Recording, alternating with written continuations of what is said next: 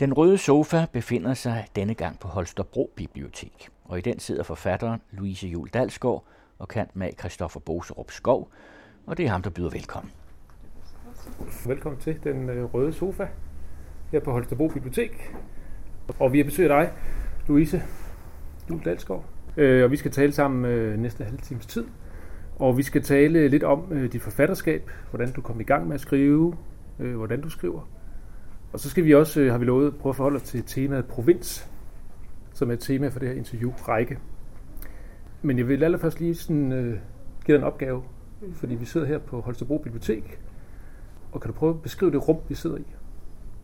Ja, altså min første indtryk, da jeg kom ind, det var fordi jeg så de her sådan melerede, brunlige øh, mursten. Og det minder mig om, øh, jeg er født og opvokset i Aalborg, og de har et, øh, et medborgerhus, der er bygget op på lignende vis. Og for mig, så er der noget med det der med at have mursten på indervæggen, som, som giver mig mindelser om nogle barndomsoplevelser, jeg har med nogle, nogle øh, af mine forældres venner og sådan noget. Så, så for mig er det et trygt rum, øh, selvom der er højt til loftet, som godt kan gøre sådan en vis andægtighed og næsten katedralisk. Så, så de der mursten signalerer alligevel en eller anden form for sådan stue agtighed. Mm. Øh, og så er der jo alle bøgerne, man kan pakke sig ind i med alle fortællingerne, der gør, at man selv kan få lov at at gemme sig lidt. Så min umiddelbare oplevelse var, at det er et, øh, et fornemt sted, og det er et sted, hvor man tager øh, bøgerne øh, alvorligt, mm. og det er der faktisk ikke ret mange steder mere, man gør. Øh, det er blevet mere og mere sådan på mange biblioteker sådan nogle udstillingssteder, og det skal være med øh, skærme, og der skal være EDB-afdelinger og øh, borgerservice. Men her er der faktisk et sted, hvor der stadigvæk findes bøger på et bibliotek. for bøgerne ja. Ja. på den måde, ja. Men du er født i 73, og du er uddannet mm bibliotekar. Ja. Derudover er du også forfatter, eller måske først og fremmest forfatter. Kan du præsentere dit øh, forfatterskab?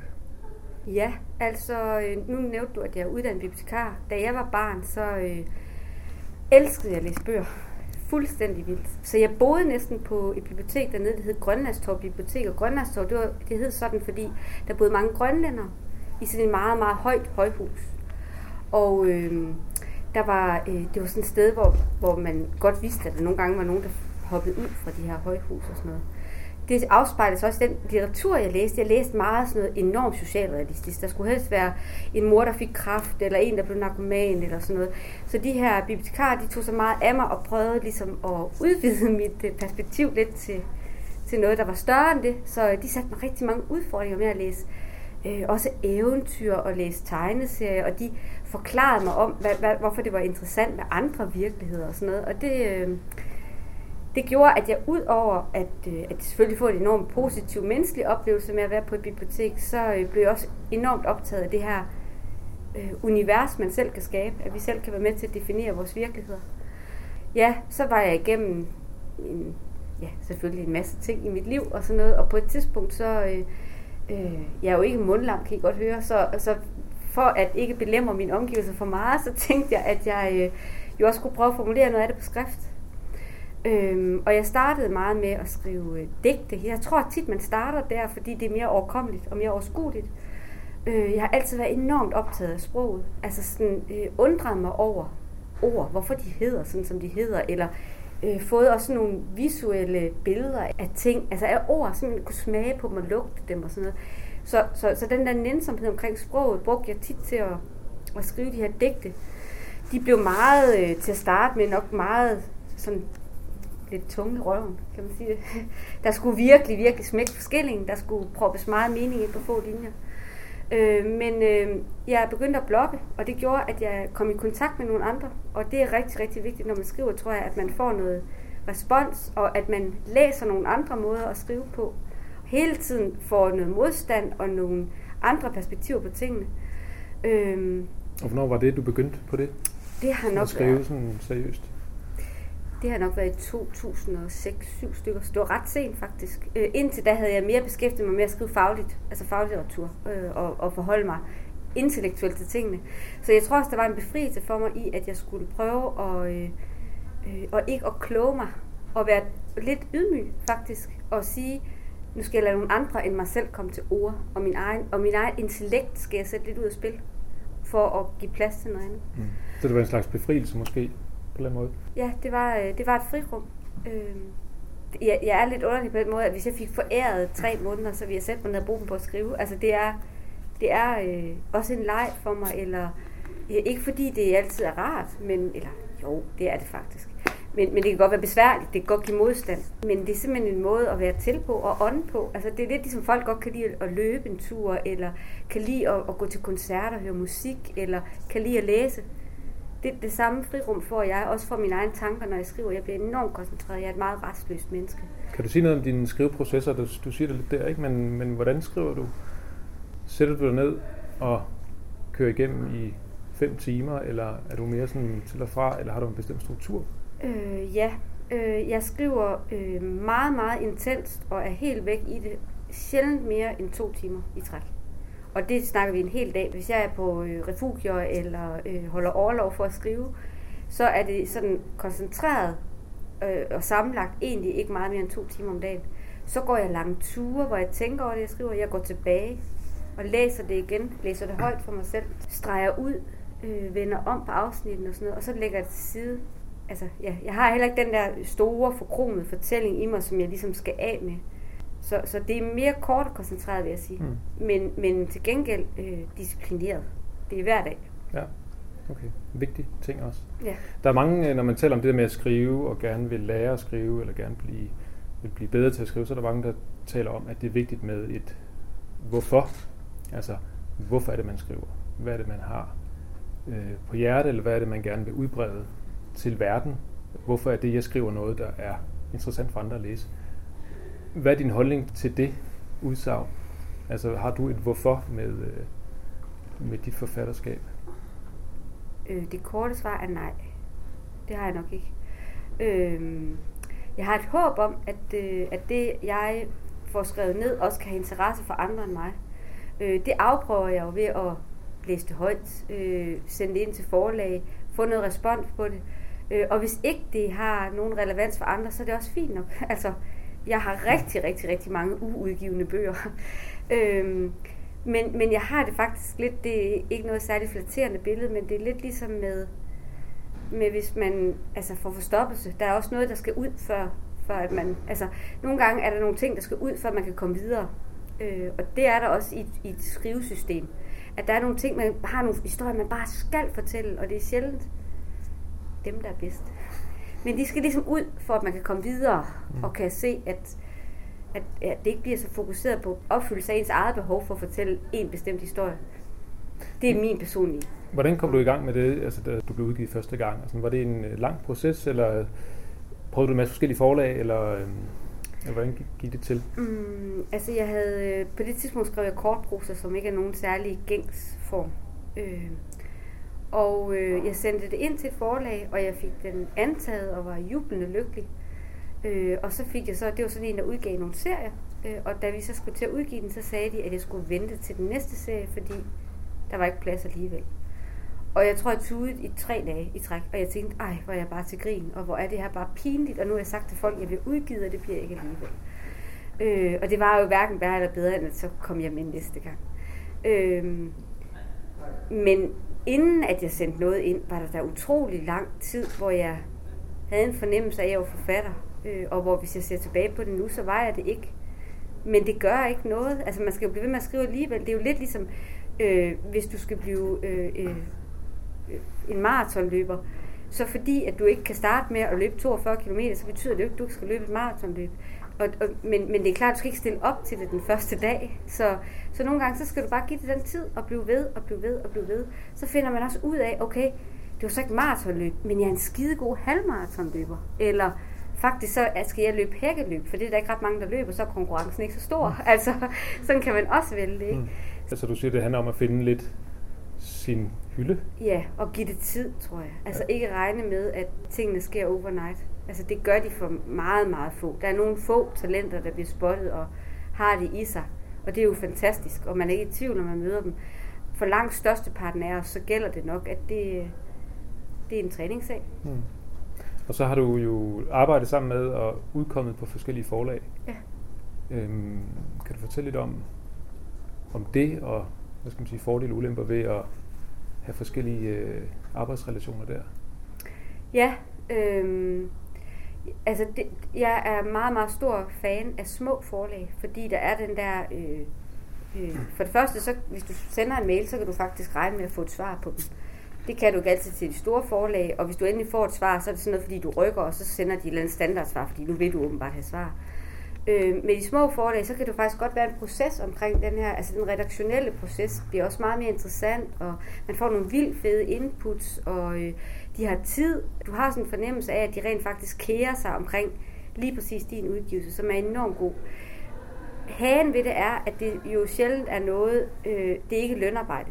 Og det gode ved lønarbejdere, det er, at du kan faktisk forvente af dem, at de holder ved, øh, og at de er der også om tre måneder. De små forlag, der kan du ikke vide, øh, om det er båret af en ildhu, der er momentan, øh, om de måske selv får et andet arbejde, om de øh, nedlægger forlaget. Der er mange, der faktisk driver sådan nogle frivillige forlag, men når de så skal på dagpenge, så må de ikke, for de må ikke have selvstændig virksomhed. Så på den måde er det en farlig øh, bane at begive sig ud af. Der er ikke rigtig nogen løsning på det, vil jeg sige, fordi det er svært at komme igennem til de store forlag, specielt hvis du ikke har et navn i forvejen. Øh, nu sidder der en del unge mennesker her. Det er nok nemmere for jer, men hvis man er... Jeg er 43. Jeg kommer fra Skanderborg. Jeg har ikke noget kendt navn. Altså, jeg er ikke engang sikker på, at de læser det manuskript, jeg sender ind. Det kunne jeg godt vælge at bruge hele mit liv på at være bitter over og sige, at det er også snyd, at der er sådan noget nepotisme, og der er nogen, der kommer før, første række. Jeg får bare intet ud af at spinde min krudt på det. Mm. Så jeg, jeg, jeg hælder lidt til de små forlag. Men jeg bevæger mig da, der skal man sige, de bliver da større og større, dem jeg lader mig udgive på. Og du arbejder på en roman ja. nu, som... Udkommer til august. Ja. På et... Etableret forlag. Etableret ja. større forlag. Ja. ja.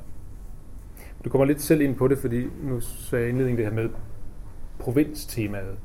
Umiddelbar øh, respons på det, da jeg så det, var sige, åh oh, nej. Også fordi jeg har det sådan, ja, jeg bor i Skanderborg, der er skide smukt, og, øh, og vi lever i en digital virkelighed, hvor jeg interagerer med øh, stort set, øh, eller forfattere, store som små, fra alle egne af landet.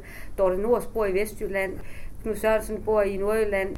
Altså, øh, på den anden side må jeg også sige, at der er den virkelighed i det, at, øh, at der er et, øh, et meget, meget levende litteraturmiljø i Aarhus, men det er ikke København. Øh, I København er der noget med, det der med, at du har mødt folk face to face, det gør bare, at du bliver inviteret til flere ting. Det er da helt naturligt. Altså, det gør jeg da også. Dem, jeg først kommer til at tænke på, det er dem, Nå, han kan da lige komme. Det er også billigere transport. Man skal betale transportudgifter, hvis man skal invitere en forfatter fra provinsen. Det er lige 1000 kroner oveni. Nej, det gider vi ikke. Selvfølgelig er der, jeg vil ikke kalde det kammerateri, men der er dem, du er tættere på, dem du måske er i skrivegruppe med. Du, man hører også hinanden øh, mere. Altså dem, du hører på de københavnske scener, kommer fra København. Det vil sige, det er også dem, der bliver mest kendt. Forlagene har, som regel de store forlag, har deres adresser i København. Forfatterskolen ligger i København. Altså det er lidt ligesom at benægte, at der er øh, en naturlig, hvad skal man sige, øh, øh, samling omkring forfatter derfra. Det vil jeg synes, det var at stikke mig selv blå i øjnene. Men lidt ligesom med de store forlag, og om man nu bliver anerkendt eller ej, eller så, altså enten så må jeg jo flytte til København, hvis jeg vil med, eller også så må jeg sige, jeg, jeg bor i Skanderborg, og jeg har et fint forfatterskab, og jeg lever af det, og jeg underviser konkurrencen, altså til gengæld måske ikke helt så, albuerne ikke så skarpe, det ved jeg ikke. Så, øh, så det er nogle af fordelene, kan man sige, ja, omvendt. Ja, og der, altså jeg kan jo ikke leve uden natur. Altså jeg kunne slet ikke skrive, hvis ikke jeg havde øh, mit sommerhus i Nordjylland, hvor jeg kan gå og ikke møde en sjæl en hel dag. Altså på den måde er jeg sådan lidt sådan hippie-agtig. Altså jeg synes, at det, det fedeste, den fedeste opfindelse i verden, det er naturen. Mm. De år, jeg boede i København, var helt anderledes hektiske. Så, så på den måde kan man sige, at der er mange fordele ved at bo i provinsen. Og de små forlag øh, kan måske være nemmere at komme i kontakt med derude. Men jeg tænker lidt med det med provinser, det talte vi også øh, øh, kort om øh, før. Det var det her med, at Danmark er jo et lille land, og måske er der også en eller anden form for interesse i at opretholde en eller anden form for øh, hvad skal man sige, modstilling mellem land og by. Jeg ved ikke rigtig, hvem der har interessen. Mm. Øh, men tit er det jo noget med, at øh, man definerer sig selv. Øh, det er jo tit bymennesker, der definerer sig selv, i hvert fald ikke mm. som mm. provinsboere. Og omvendt vil provinsen gerne måske have lidt af det der poshy byliv på en eller anden måde. Så der er måske også en anden, øh, en eller anden form for underkugethed i det. Øhm, så jeg tænker på, om, om det sådan set er en, øh, en fortælling, som vi egentlig bare opretholder lidt. Det tror jeg da. Dybest set er det jo lidt til grin, at et land på 43.000 kvadratmeter ja, kvadratkilometer trods alt. Og, og igen, som du egentlig også siger, hvad, hvad skal vi bruge den til? Altså, det er et stort hvorfor, mm. eller hvad vi skal ja. sige. Altså, øh, der er fordele, og der er ulemper, og, og nogle gange så er det også, altså, hvis vi har noget, vi vil opnå med det, hvis vi vil opnå flere støttekroner, så kan det være et godt argument, at vi skal have nogen herude til provinsen. Ikke? Hvis vi gerne vil hænge vores manglende karriere op på noget, så kan vi sige, at det er også fordi, at 43 kommer fra provinsen. det fik jeg lige selv gjort ret gelinde lag mærke til det. Altså, og det, og det er jo uanset hvad, vi skal nok finde på noget. Mm. Altså, så er det, eller også er det vores køn, der definerer det. Så er det mm. fordi, at der er for mange kvinder, eller for mange mænd, eller...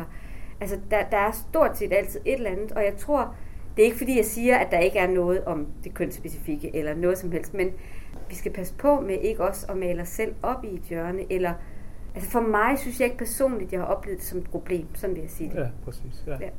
Hvis Dansk Forfatterforening sådan vælger at flytte nogle arbejdspladser til provinsen, så vil det måske være meget fornuftigt. Ja, altså jeg er jo selv med i lyrikgruppen, øh, i styrelsesgruppen i Dansk Forfatterforening. Øh, og det er faktisk et reelt problem. Altså det, jeg skal bruge, det er ikke, de vil gerne betale min transport, men hvis de holder et møde klokken 3 om eftermiddagen, så skal jeg tage fri den dag for noget over. Så skal jeg være der i 3 timer til klokken 18, og inden jeg er hjemme, så klokken 22. Det vil sige, at jeg skal også bruge en arbejdsdag på det. Øh, og på den måde, altså nu har vi så øh, valgt at gøre det ved hjælp af Skype, men i hvert fald så, øh, altså, så, så er der jo nogle udfordringer i det. Men vi har faktisk en gruppe i Aarhus, en rigtig velfungerende øh, Aarhus-gruppe af Dansk Forfatterforening, som er ved at vinde på fodfæste. Og ja. vi gør også aktive ting for at prøve at flytte nogle ting ud i provinsen. Vi er jo også her i dag. Præcis. Og sådan en relation til det med identitet og det med at forstå sig selv i forhold til nogle andre, eller i modsætning til nogle andre, så har du også nævnt øh, tidligere øh, først denne samtale, at du, du er interesseret i det eksistentielle, eller du, eller du skriver mm. eksistentielt. Mm. Kan du prøve at sætte nogle ord på, hvad, hvad det øh, betyder for dig? Jeg, jeg mener det sådan set i, i allerbredeste betydning. Altså eksistensen er jo alt.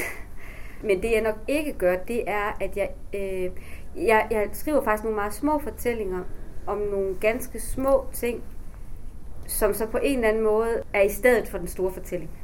Altså jeg har ikke den store fortælling i mig. Jeg, jeg har ikke det store gyldne overblik. Øh, jeg har nok mere sådan den lille, den lille varme fortælling, eller man skal sige. Men det er nok rigtigt, at jeg, jeg, er ikke, øhm, jeg er ikke en politisk forfatter. Jeg har ikke, øh, når du spurgte, om jeg havde et bestemt hvorfor, så har jeg mere sådan en, det lyder virkelig, virkelig øh, næsten patetisk, men, men jeg har nok sådan en nødvendighed i mig.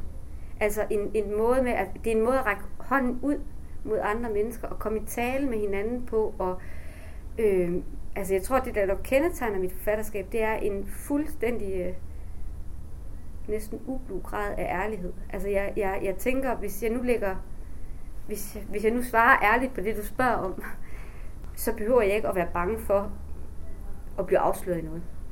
Øhm, og jeg tror, at altså, det er jo selvfølgelig ikke sådan, at det skal være en eller anden øh, personlig beretning på den måde, men en eller anden ærlighed også i forhold til verden. Den der undren over, at selvom man er blevet 43, så er jeg jo stadigvæk helt vildt bange og i tvivl og tænker, gud, synes I bare, det er helt vildt åndssvagt, det hun sidder og tænker, eller øh, altså, at, at det er den samme tvivl, der går igen, og det tror jeg bare rigtig mange har, har det har jeg mødt en stor lydhørighed for, den der med, jamen lad os dog i det mindste mødes som de mennesker, vi er, i stedet for at bygge en hel masse op om at, at, at øh, fokusere på det, vi er uenige om, eller det, vi ikke har til fælles, eller det, der adskiller os i kraft af vores øh, alder, eller køn, eller provins, eller et eller andet. Men der er nogle, nogle ting, vi, også nogle ting, der går igen, nogle krige, nogle, nogle måder, vi reagerer på. Vi kalder det provins over for hovedstad, vi kalder det kvinde over for mand, vi kalder det gammel over for ung. Altså nogle modstillinger, som er helt essentielle, og som vi, uanset hvor vi befinder os i verdenshistorien, om vi befinder os i verdens mindste land eller verdens største land, så er det de samme spor, vi trækker efter os. Og det er nok dem, jeg prøver at finde.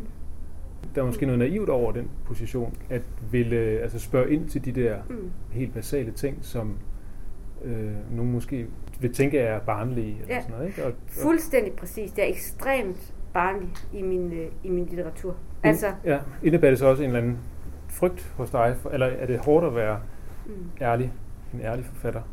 Ja, det er noget lort, det skete der. Nej, men, men det er jo enormt sådan sårbart, eller, altså, ja, det er faktisk ret svært at snakke om, fordi det er, man er totalt klædt af. Ja.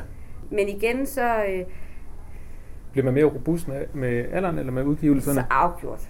Det gør man med alting. Altså man tænker helt alt, det går over. Jeg går også over. Altså om 40 år, så findes jeg ikke mere. Eller i morgen, så er der er der en dag, og så er det et eller andet andet, jeg går i stykker af. Altså jeg går i stykker et par gange om dagen. Det har jeg vendt mig til. Så, øh, så, og det bærer, man lærer også at bære over med sig selv. En gang så kunne jeg blive så vred på mig selv over, hvorfor det skulle være så besværligt, og hvorfor det skulle være så tungt. Nu har jeg sådan lidt, når jeg er sådan en, hvor det er lidt besværligt og lidt tungt, og dem skal der også være nogen af. Øhm, men, men det er klart, altså hvis du skriver noget, som ikke er, øh, som på en eller anden måde involverer dig selv, eller hvor du, hvor du, øh, hvor du også sætter dig selv i spil, og det gør vi jo altid. Alt, hvad vi oplever, alt, hvad vi tænker, kommer fra os selv. Så der er nogen, der bilder sig ind, at de holder en armslængde afstand, men jeg er ikke sikker på, at den holder i virkeligheden. Men, men det er egentlig også ligegyldigt. Det er klart, når man udgiver en bog, der kommer nogen og vurderer den.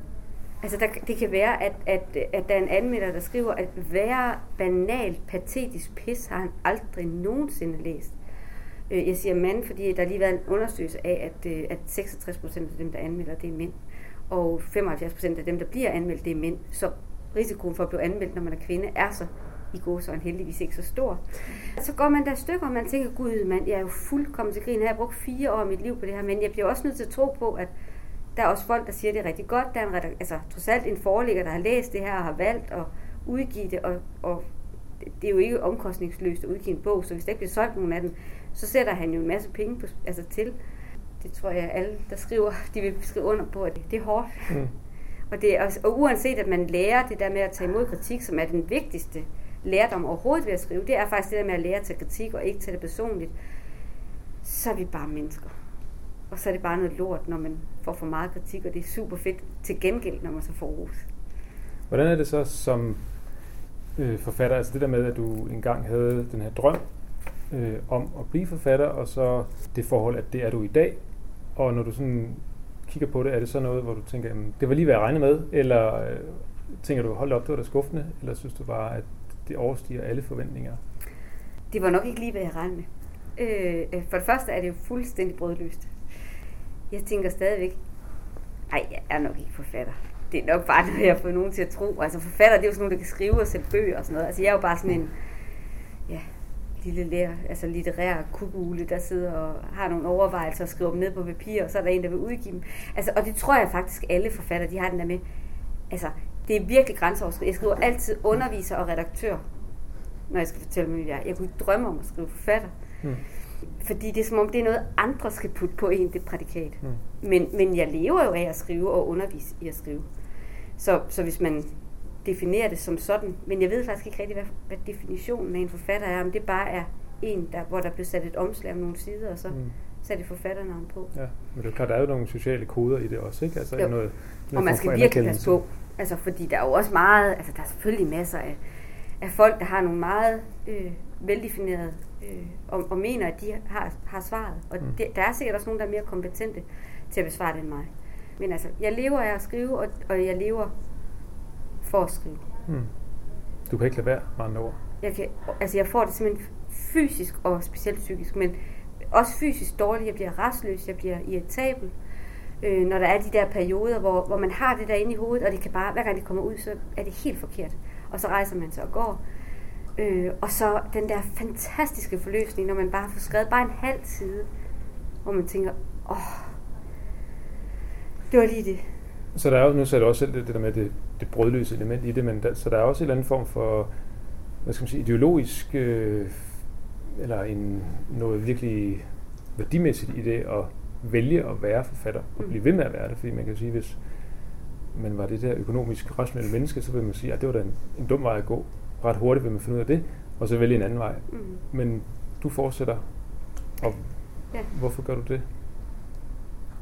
Det er fordi, det, det, det er det fedeste i hele verden. Altså, simpelthen. Det er det eneste, jeg kan sige. Øh, jeg havde et fast job, som jeg sagde op for at leve af projektpenge og undervise rundt omkring og sådan noget, og det er det bedste, jeg nogensinde har gjort. Og det er usikkert. Øh, men men hvis, man, hvis man virkelig brænder for at skrive, og det tror jeg rigtig mange af jer gør, så er det også der, man ved, at, at gevinsten findes, uanset at det så ikke lige er øh, penge. Altså det ville også være forfærdeligt, hvis man gik på arbejde som en eller anden, øh, bankfuldmægtig, øh, og, og, og kom hjem hver dag og tænkte, ja, det kom der så så, så mange penge ud af, og dem kan man putte ind på bankbogen, og så vågner man næste morgen. Øh, ja. Så, så det er det hele værd. Øh, Men det må være definitionen på en forfatter, der svarer sådan, tænker jeg. altså hvis man... Det bliver lidt politisk. Men hvis det. man, øh, hvis man ser på, altså... Øh, hele tiden så er der sådan en nytteværditænkning. Hvad, hvad nytte giver det? Hvad kan du op til? Hvor mange år kan du være på arbejdsmarkedet? Har du så tjent op til, at du kan få en pension? Hvad hvis du øh, ryger? Hvad er så risikoen for, at du kommer bliver indlagt på sygehuset? Hvad koster det per indlagt øh, dag eller sådan noget? Jeg har selv regnet ud, jeg har været meget syg på et tidspunkt, været være indlagt sammenlagt halvandet år. Jeg har regnet ud, at jeg har kostet, jeg tror, at de halvandet år, de koster cirka 4,5 millioner kroner. Så jeg betaler med glæde min skat, kan man sige det sådan. Øh, og jeg kan aldrig gå på pension, hvis det står til. Hvis vi skal kigge rent nyttemæssigt på det. Og så kunne man selvfølgelig sige, ej, men jeg bidrager med noget litteratur til verden. Og det er det, jeg mener. Det er jeg ikke sikker på, at de synes på Christiansborg, at det er nogen fed fidus. Jeg tror, at de tænker, vil du være, du lidt færre bøger, og så tjene lidt flere penge. Så på den måde er der selvfølgelig en mangel på, hvad skal man sige, politisk fokus på alle de mulige andre værdier, og på den måde, vi sætter livet sammen på. Altså, det er jo ekstremt materialistisk. Og det er endda så meget, så jeg selv kan høre mig selv en gang med at sige, ej, men det skal, jo, det skal jo altså også gå op til sidst. Altså, det skal jo være nogen, der, der, der, der øh, tager sig af min mor, når hun bliver for gammel, og, øh, og hvem skal betale for det?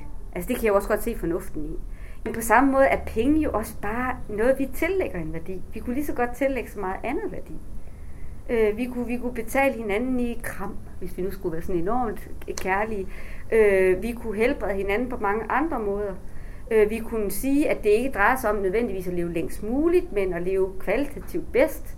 Så det ikke var sådan, at vi hele tiden skulle forlænge vores alder, hvor vi ikke har råd til at betale for de gamle, men at vi skulle tænke, hvordan nyder vi mest muligt. Lige nu så tænker vi, hvordan kan vi yde mest muligt i den tid, vi er levende. Mm. Der er ingen fokus på at nyde, og, og det er virkelig næsten beskidt at tage sin, i sin mund.